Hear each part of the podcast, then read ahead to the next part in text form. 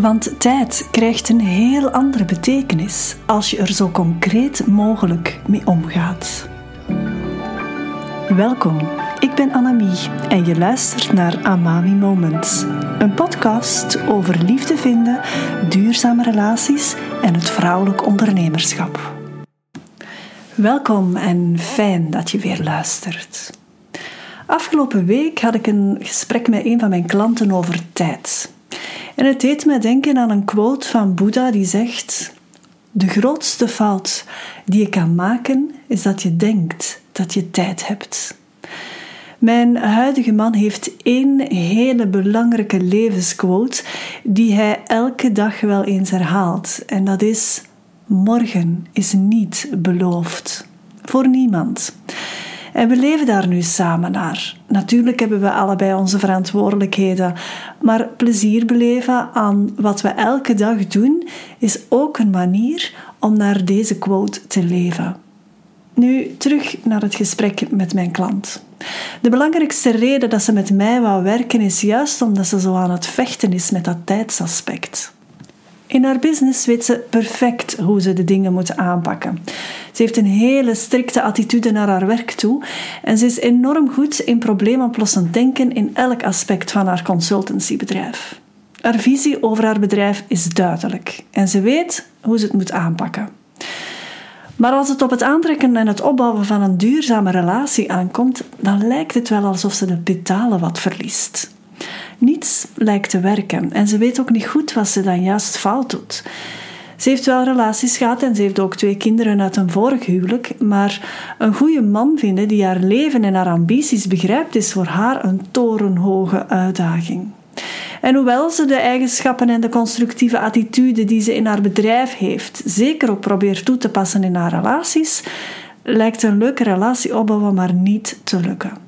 Ze beseft dat ze in een aantal relaties te lang en te veel heeft geïnvesteerd, gewoon om het te doen lukken, want ja, opgeven staat nu eenmaal niet in haar woordenboek. En ondertussen is ze dus de moed wel wat verloren en weet ze op vlak van de liefde niet zo goed hoe het allemaal aan te pakken.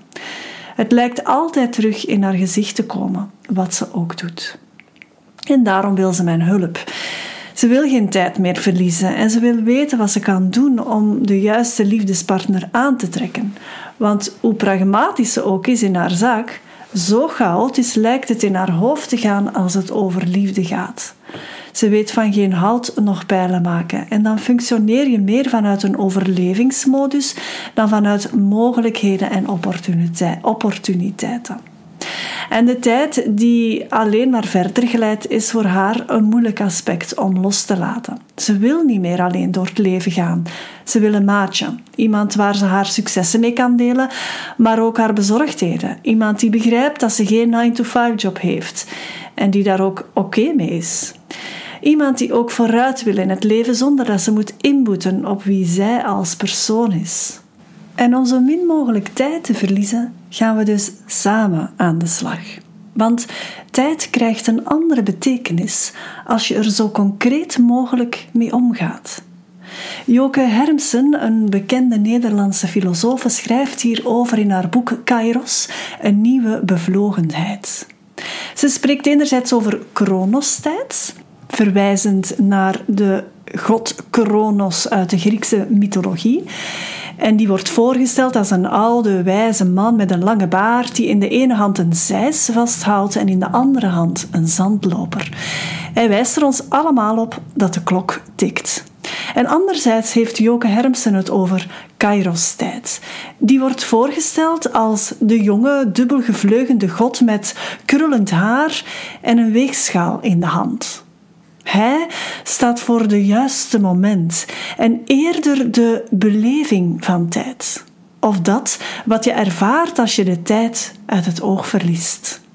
En het verlangen van de meeste van mijn klanten zit hem juist in die Kairos-tijd. Als je weet dat je investeert in iets dat jou echt vooruit gaat helpen, iets waardoor je het anders kan aanpakken, dan krijg je een andere beleving van tijd. En dan creëer je momentum. En dat is Kairos-tijd.